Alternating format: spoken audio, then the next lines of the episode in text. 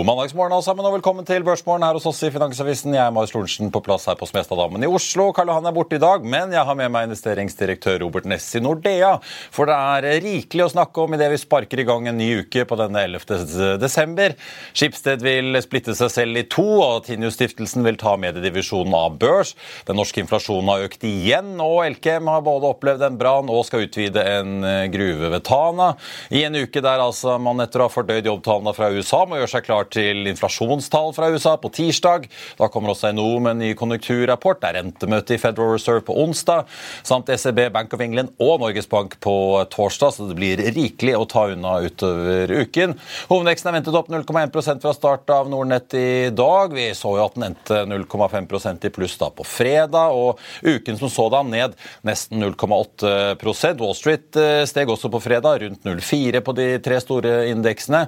Rentekuven i USA får vi merke er fortsatt invertert da, med en toåring som ligger på rundt 4,7-4,75, en tiåring som ligger på 4,25 nå på eh, morgenen. Vi fikk jo da disse famøse non-farm-tallene, sysselsettingstallene fra USA da på fredag ettermiddag.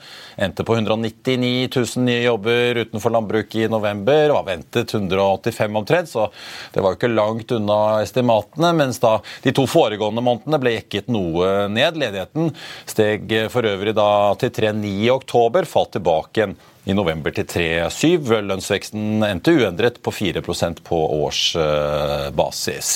Ellers så er de asiatiske børsene stort sett rødt i eh, dag. Unntaket er Nikkei Tokyo, som er opp rundt halvannen prosent etter to sure dager på tampen av forrige uke. Og som Roger Berntsen i Nordnett påpeker i sin morgenrapport, så er eh, de kinesiske markedene nede i dag. Ifølge fersk statistikk da fra kinesiske myndigheter så falt inflasjonen med en halv prosent da på årsbasis nå, ifølge de siste tallene derfra. Nordsjøoljen har steget opp 0,7 til 76,40. og det, Hvis vi holder den oppgangen ut dagen, så blir det da den tredje dagen med opptur etter at OPEC-møtet ga oss mange dager nedtur i forrige uke til under 75 dollar fatet. Tall vi ikke har sett da siden juli. Elkem melder for øvrig at de har inngått en avtale med Reinbeitedistrikt 7 som muliggjør utvidelsen av deres gruve i Tana, en av verdens største kvartsittgruver. Elkem hadde også problemer med at de måtte stenge ned produksjonen ved silisiumfabrikken i Salten i Sørfold etter at det brøt ut brann på søndag.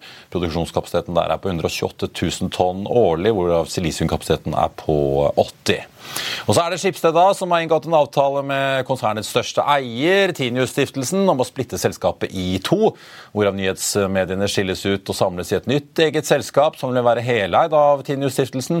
Prislappen skal være på en 6,2 milliarder kroner, og den resterende virksomheten, bestående av eh, altså alt fra Finn og Blocket og andre markedsplasser, skal inn i da det som heter Nordic Marketplaces, og fortsette som da Skipsted Marketplaces på børs, og der vil også Tinius Stiftelsen sitter med 26% eierandel. Og Da kan jeg si god morgen til Robert Ness, investeringsdirektør i Nordea. Med oss eh, fra Bergen, eh, Robert. Hva kan vi si om uh, transaksjonen og prisen? Vi diskuterte det jo litt før vi gikk på luften at folk har jo satt en veldig ulik prislapp, i hvert fall mediedivisjonen av Skipsted tidligere. Det har de. Først av alt så er folk glad for den transaksjonen, for du får et mer rendyrket selskap. Inntil nylig så var Skipsted noe som eide masse aksjer i vinter. De hadde disse Finn og sånt, og så hadde de media. Sant? Og media er kanskje liksom moden, veldig moden business. Det er fortsatt vekst i Finn. Så det at du får rendyrket dette, er noe som de fleste setter veldig stor pris på. Men så er det som sier verdien. Sant? Det er sant analytikere som mener at uh, verdien er bare 2-3 milliarder, og så er det noen som helt mener den er verdt 12 milliarder. Og prisen nå ligger på 6 milliarder. Så i forhold til det så er det kanskje fair pris, men det viser at uh, det er ikke åpenbart at dette er en pris hvor at dette blir en suksessfull transaksjon det, det blir spennende å se. Fordi at, eh, som du påpeker, at De slår da disse A- og B-aksjer. Det har jo vært A- og B-aksjer her, og det har jo vært litt for å sikre Tinius-stiftelsen sin uh, hva skal jeg si, negative kontroll i hvert fall over Skipsted. At ikke uh, avisene blir sendt av gårde inn i et eller annet oppkjøp som man ikke ønsker. Uh, det forsvinner jo nå, da. Så det rendyrker vel også litt strukturen her i det som blir igjen på børs? da?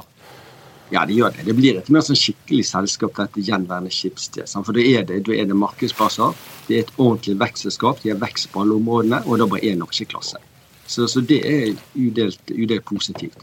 Og så er det spennende det at de, de har vedtatt at eh, de allerede bytter mellom A- og B-aksjer, selv om det skal skje i 2025, kanskje mot slutten av 2025 også. Ja, men Det skjer jo litt uh, for skipsredaksjonærene nå. som var inne på Adevinta, Der kommer jo, var vel rundt en 25 milliarder. Uh, det var uh, det meste i, i cash for de aksjene de selger, pluss et oppgjør av en sånn TRS-avtale også. Så har de jo kjøpt 10% av Viaplay, men det virker, virker, jo som ledelsen signaliserer at det meste av dette Adevinta-salget skal gå rett ut i utbytter igjen? Ja, og Viaplay fikser seg sjøl med at verdien er nærmest null. Så når du ser på ja, altså Det som er litt spennende ved dette oppkjøpet media, er jo at Tinustiftelsen, selv om de har gått med penger, så trenger de mer. Så dette initiativ for Schibsted til å dele ut vesentlig mer av utbyttet fra Adevinta-aksjen, og også gjøre seg ferdig med handelen. Så det er også noe som aksjemarkedet ser positivt på.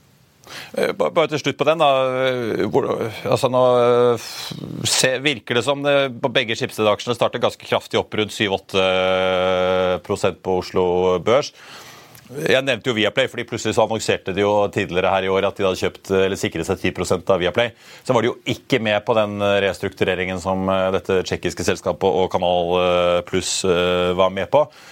Hva tror du vi kan vente av Schibsted fremover nå? da? Blir det noen nyinvesteringer når de nå blir et sånt rendyrket nordisk hva skal vi si, annonserubrikkselskap? Ja, vi må nok egentlig vente det. Og det blir litt spennende for aksjonærene. For aksjonærene er nok i første omgang opptatt av å få en del kontanter ut, og så er de opptatt av at de nye investeringene fremover blir lønnsomme. Altså at de må slite litt for å holde på kontantene, sånn at de, de er nødt til å gjøre veldig lønnsomme investeringer, og ikke kanskje litt sånn lette investeringer som vi har pleid så ut til å bli. Ja, jeg merker meg Kjersti Stavren Løkum i Tinius-stiftelsen var ute på NRK i morges på radioen og sa at uh, de, altså de, tar denne mediedivisjonen av børs vel så mye, for de trenger å investere mye AI og mye store ting som kommer. Eh, du har jo fulgt ASBC tett. Altså, eh, hvordan leser du det? Er det rett og slett, er medievirksomheten så litt interessant for aksjemarkedet at det er vanskelig å få tilgang på nok kapital? Gjerne da i konkurranse kanskje med Finn og alle disse andre markedsplassene? Det er nok det de mener. Det er nok, ganske, det er nok sikkert det er god grunn for det også. For det er aksjemarkedet, f.eks. medievirksomheten som er moden virksomhet, kanskje på vei nedover, mens det er andre med vekst. Men klart, Da vil ikke investere så mye på det som er vei nedover. Så de har nok absolutt poeng der. På den annen side, stiftelsen har ikke så mye kapital som et aksjemarked har, så den, den går i motsatt retning. Vi får se hvor eh, lenge sjekkheftet holder. Robert, du blir med oss eh, litt videre. Jeg tenkte jeg bare må ta unna et par andre nyheter som har eh, kommet i dag. Mens altså hovedveksten på Oslo Børs starter opp 0,27% Godt hjulpet av altså Skipsted A- og B-aksjene som ser ut til å stige rundt 10% nå, etter nyheten om at de altså skiller ut mediedivisjonen, som skal tas av børs av Tinius-stiftelsen. Vi må ta KPI-tallene som kom fra SSB, da, fordi KPI-indeksen steg jo da en halv prosent i oktober og endte med en årsvekst på 4,8 mot da ventet 4-5 i november. Opp fra 4 blank eh, i oktober får vi ta med. Og Det er da strømprisene som har skylden, skriver SSB. Akkurat som de lave strømprisene i sommer bidro til å trekke prisveksten ned den gang, som mange kanskje husker. SSB minner oss også på at strømprisen likevel nå fortsatt er under samme tid i fjor. Ser vi på kjerneinflasjonen, der energi- og avgiftsendringer er tatt ut, så kom det noe, kom det noe ned, da fra 6 blank i oktober ned til 5,80 i november. og Dette skyldes stort sett salgs- og tilbudskampanjer. skal vi tro SSB. Espen Kristiansen SSB sier at eh, bl.a. varegruppene som falt i pris da, fra oktober til november, er eh, da varer som elektronikk og møbler. I tillegg så trakk også flybillettene, eller altså flyprisene, noe ned. Ellers så var de fleste varegruppene stabile mot november i fjor, mens eh, bl.a. Eh, mat tikket noe oppover. Så er det rentemøte da. Det er enda sikrere at Norges Bank vil holde renten uendret på torsdag. Det mener sjeføkonom Marius Gonsolt Haav i Handelsbanken, som har snakket med oss i FA her på morgenen, fordi kjerneinflasjonen da endte lavere enn det Norges Norges hadde lagt til grunn. Ellers verdt å merke seg Hunter Group, som faller en drøye 8% fra start i dag etter at uh, nyheten kom da, om at Arne Fredelig gjennom Apollo Asset Limited har solgt 1,75 millioner aksjer, tilsvarende drøye 4% Han sitter igjen da med 450 000 aksjer etter salget. Og så har vi også Borregaard, som jeg tenkte vi skulle bare nevne. Eh, de melder at EBTA-en innen Biosolutions vil bli negativt eh, påvirket av lavere salgsvolum av biovanilin i fjerde kvartal. I Biomaterials-divisjonen så vil driftsproblemer etter en vedlikeholdsstans i Sarpsborg også gi negativ EBTA-effekt. Samlet sett så regner de da med effekten til å ligge på mellom 80 og 100 millioner kroner. Og Borregaard-aksjen starter ned nesten 9 eh, den også. Til slutt tenkte jeg bare å nevne at FA da i vår innsideportefølje tar inn Gaming Innovation Group denne uken og utgår TGS. Vi er tilbake med Robert Ness i Nordea rett etter dette. Vil du bli oppdatert på det viktigste som har skjedd innen finans og næringsliv? Da er det bare å følge med, for hver morgen er jeg, Marius Lorentzen og aksjekommentator Karl Johan Malnes på plass i studio for å ta tempen på dagens marked i Børsmorgen. Og hver ettermiddag oppsummerer vi alt du trenger å vite i økonominyhetene, og det blir selvfølgelig masse interessante gjester. Klikk deg inn på fa.no-tv, eller søk opp Børsmorgen og Økonominyhetene der du hører på podkast.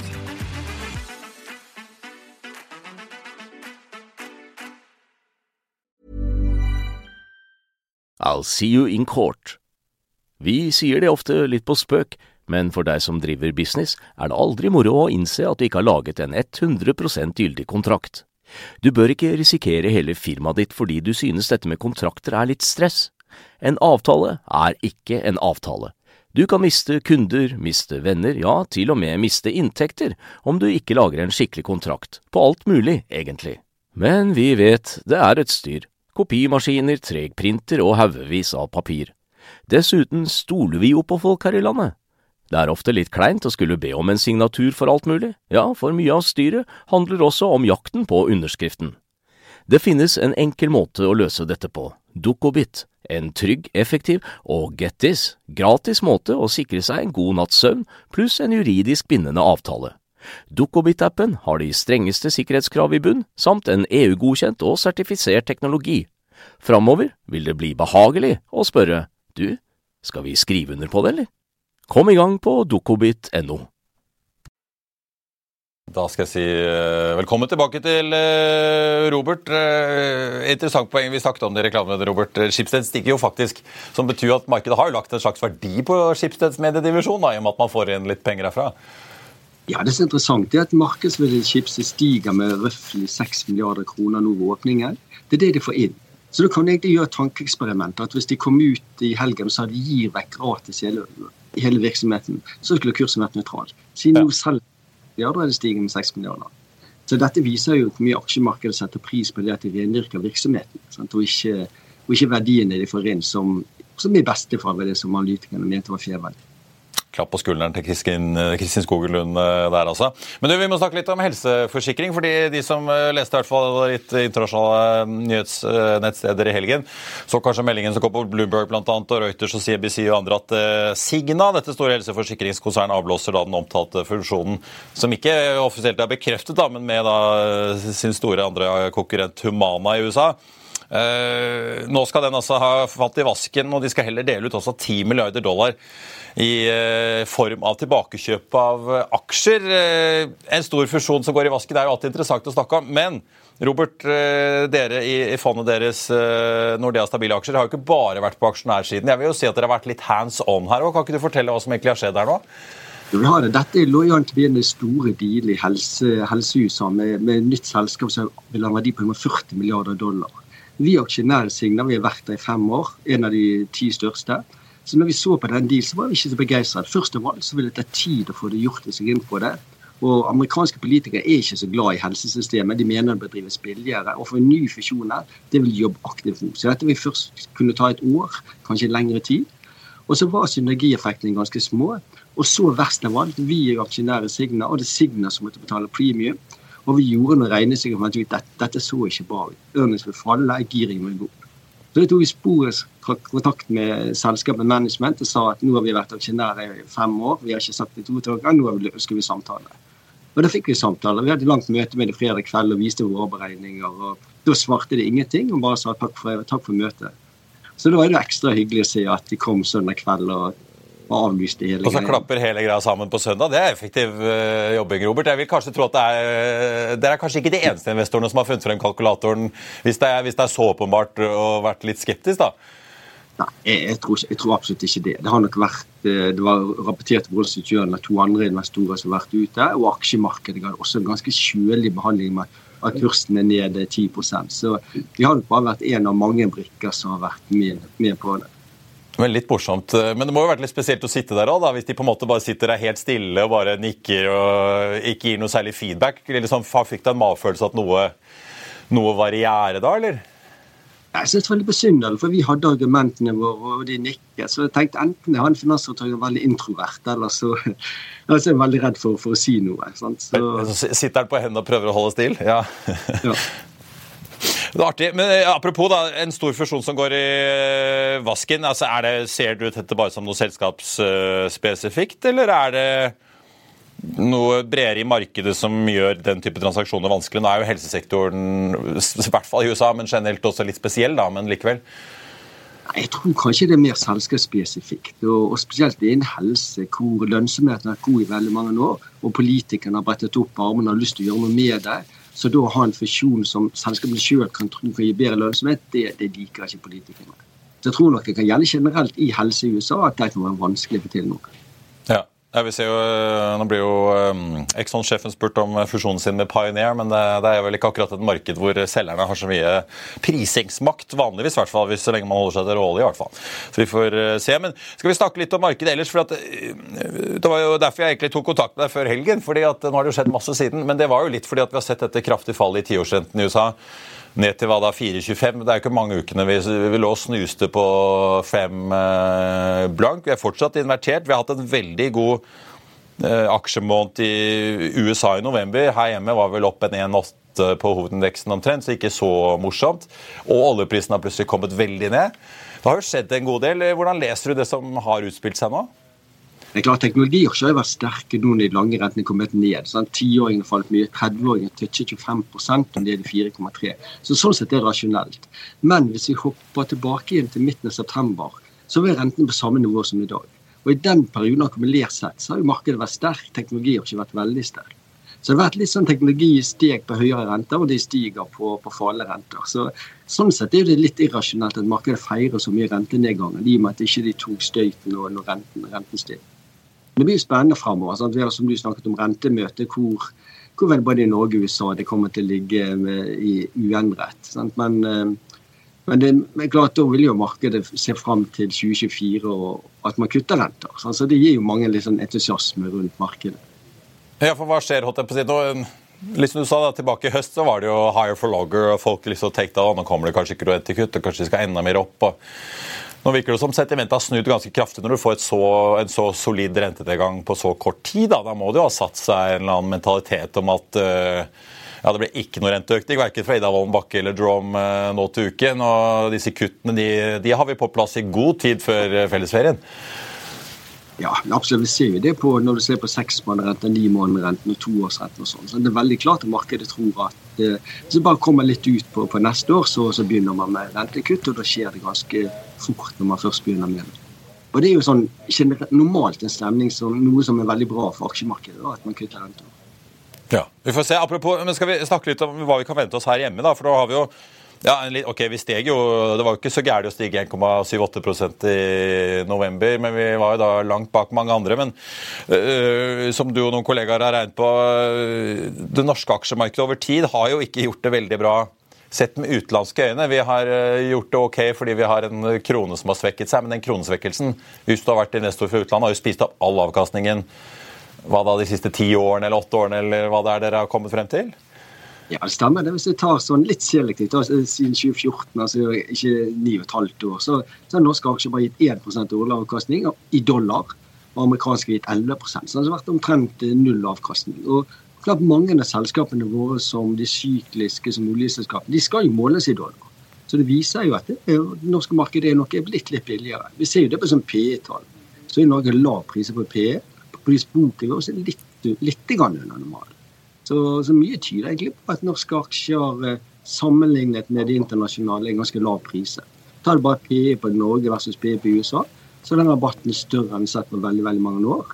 I forhold til Europa så er den litt større, det er ikke det store der, men, men det er iallfall en indikator som tyder på at norske aksjer ser, mer, eh, ser absolutt mer interessante ut når vi sammenligner med det internasjonale.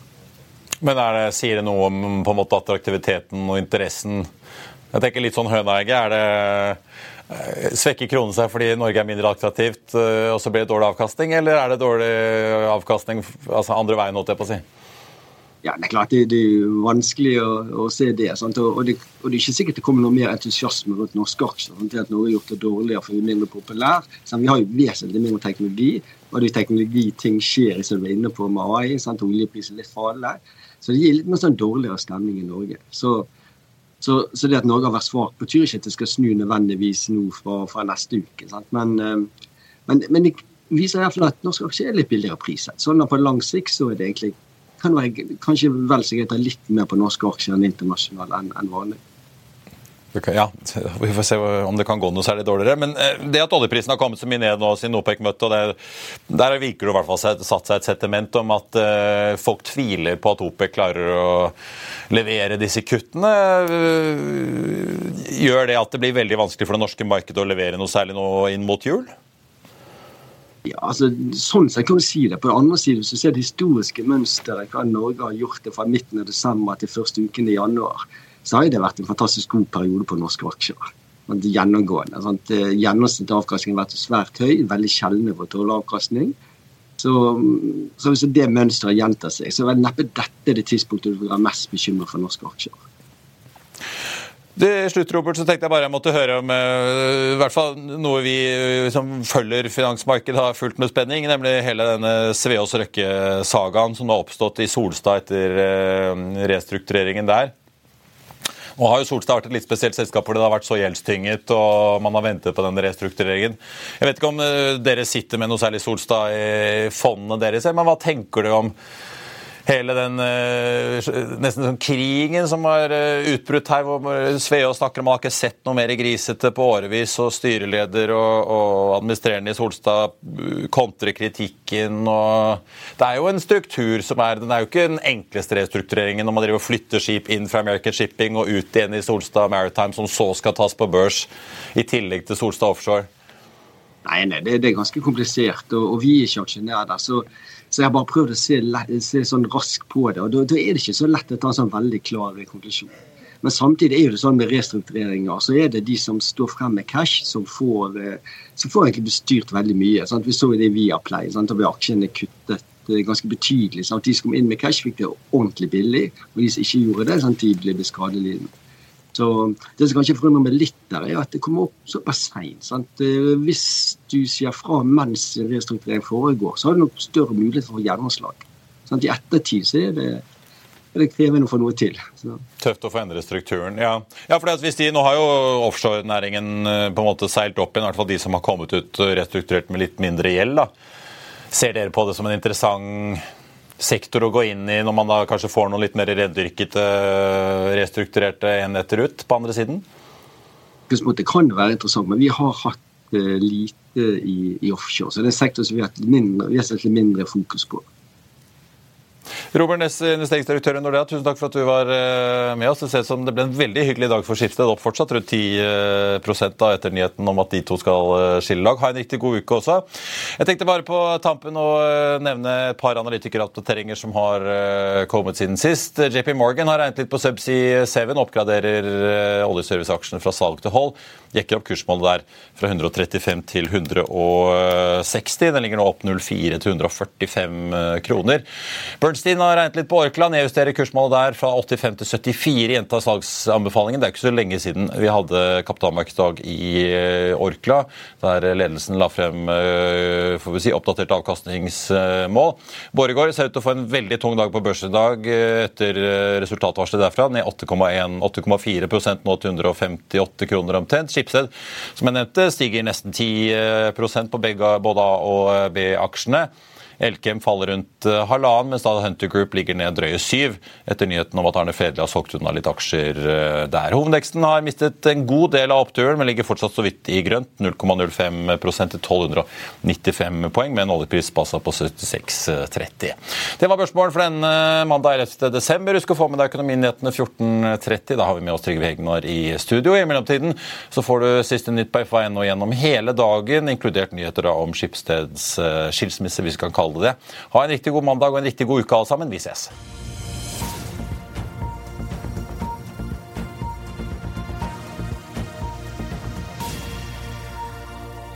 Økonominyhetene er en podkast fra Finansavisen. Programledere er Marius Lorentzen, Stein Ove Haugen og Benedikte Storm Bamvik. Produsenter er Lars Brenden Skram og Bashar Johar. Og ansvarlig redaktør er Trygve Hegnar.